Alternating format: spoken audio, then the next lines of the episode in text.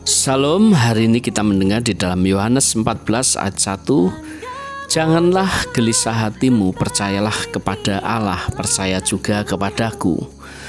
Amin.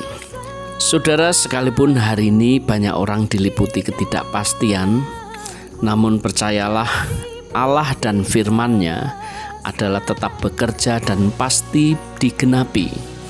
Yesaya pasal 55 ayat 1a Demikianlah firmanku yang keluar dari mulutku. Ia tidak akan kembali kepadaku dengan sia-sia Tetapi ia akan melaksanakan apa yang kugendaki Dan akan berhasil dalam apa yang kusuruhkan kepadanya. Percayalah semua yang terjadi hari ini ada dalam kendali Tuhan dan sepengetahuan Tuhan.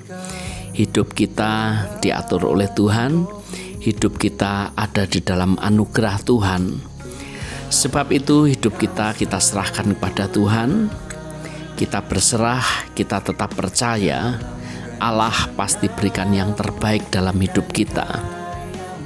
Di dalam Markus pasal 4 ayat 38 ayat 40 maka murid-muridnya membangunkan dia dan berkata kepadanya, "Guru, engkau tidak peduli kalau kami binasa?" Lalu ia berkata kepada mereka, "Mengapa kamu begitu takut? Mengapa kamu tidak percaya?"